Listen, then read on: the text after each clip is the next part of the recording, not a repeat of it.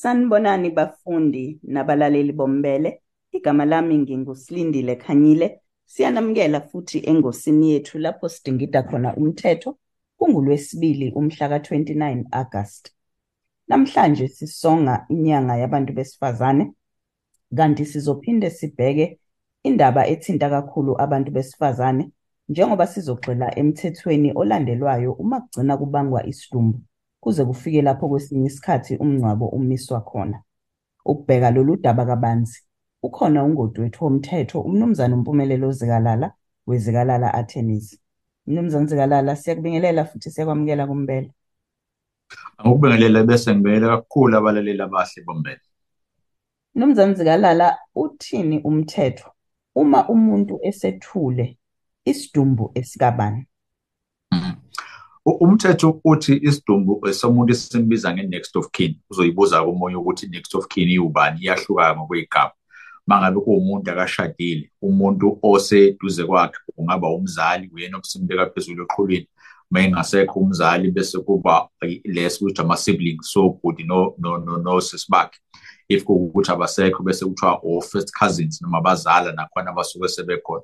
Nomalume-ke bayakwazi ukuthi bangene depending ukuthi yiphi indlela ekusuke kuhleleke ngayo lapho kulowo muzi. Kodwa once washada umuntu oyi-next of kin wakho kuba ispouse sakho uyena osuke sezolawula ukuthi uma kuthiwa usuthulile yini kahle kahle ezokwenzeka kwisidumbu sakho yiphi indlela ozongcwatshwa ngayo yiphi indlela okuzosebenza ngayo. Kodwa nje umuntu oyi-next of kin yilo osuke seduze kwakho ngaphandle uma ngabe washo umbikile nangewili ukuthi ufuna kwenzakaleni uma sekuthiwa usuthulile kodwa i-next of kin nje? Uma ungashadile eh ama abazali noma ubhuti noma osisi bakho noma bese kungenelela nomalume nabo bonke. Mangabe ushadile umuntu oyi-next of kin wakhe ispouse sakho.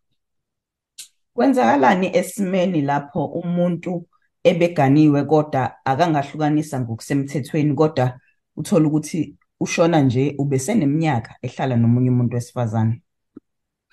ile iba inkinga-ke ngoba uma uzoyibheka ngokomthetho umthetho uba clear ukuthi noma ngabe kuthiwa beningahlali nobabili ukuhlukana kwenu angeke kuze koze kwanako kangako ngoba into izobe isithi ukuba phela bowunesifiso sokuthi uhlukanise nalo muntu buzohamba inkantolo efike uyihlukanisela even manje iy'nkantolo ziyavuma ukuthi abantu abayingenele bazoyihlukanisela bona abameli bengekho. So wena ukubanjwe yini kungenzeka ukuthi uma sekuthiwa kiwe enkantolo kuyoliwa bese kuthiwa ngiyayibona-ke into ekade ikhona ukuthi eh ubevele engathandi ukuthi ahlukane nale spouse sakhe ubevele sanesifiso sokuthi akalandele ukuthi ispouse sakhe sofuna ukuthi akwenzakaleni ngomzimba wakhe. So asenze lapho kwesimnikeze ispouse ukuthi asidecide ukuthi sithini. Kuye kwenzeke-ke mhlawumbe ngendlela impilo kibe yiyona uthole ukuthi kwa-spouse sothi awu mina bengingasahlangane lutho nalo muntu.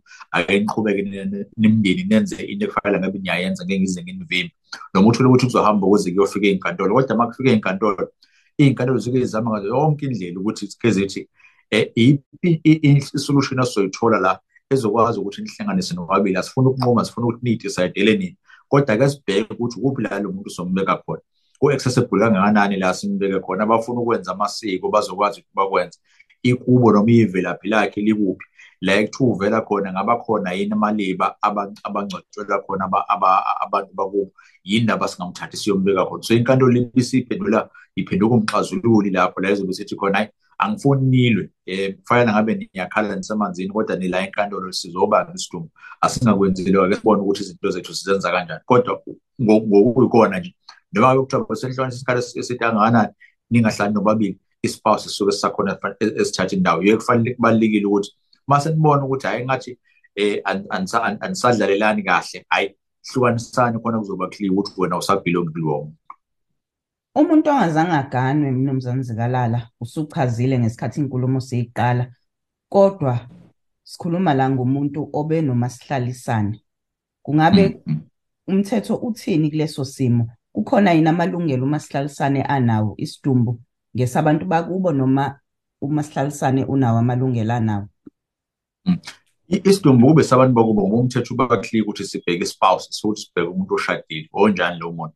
Okuzobe kuwukuthi ngaphansi kwe-civil marriages act recognition of customary marriages act civil union act bahlanganisiwe masiyaka home affairs kwesibona ukuthi hayi babobabili so uma ngabe kuthiwa kangeni ngaphansi olawo ama-category noma kwalezo iy'nhlaka ubese kuthiwa hhayi-ke umuntu wakubo ozokwazi ukudecide ukuthi noma kuthiwa benihlanganisela iminyaka o-thirty noma o-fifty at the end of the day umuntu ozothathwa kakhulu ukudecide ukuthi kwenzakalani kuyena.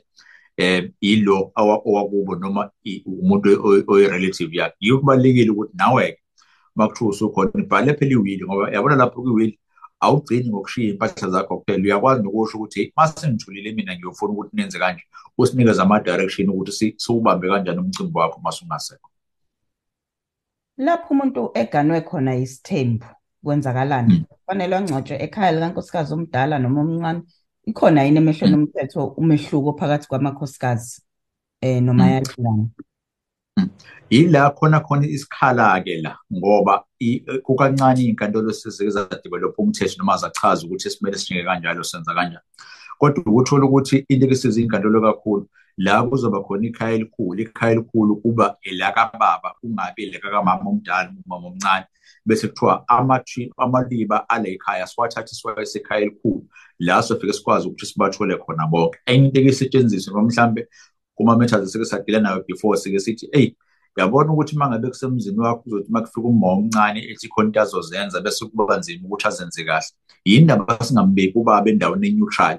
La sofike sikwazi khona ukuthi singene sonke whether ufuna ukuyokhuluma naye umushisele impepho noma wenze njani umsaba ume munye kungabi kungabi khona emsamo emibili noma kuthiwa usuyambuyisa futhi nimbuyisele endaweni eyodwa ningambuyisele endaweni ey'mbili bese kuba ngconywana-ke ngokukhuluma mhlampe nokuthi kuzame reason ukuthi hayi cha ake siyenze kanje. Yiko ngithi amacala amaningi afana njengalawo.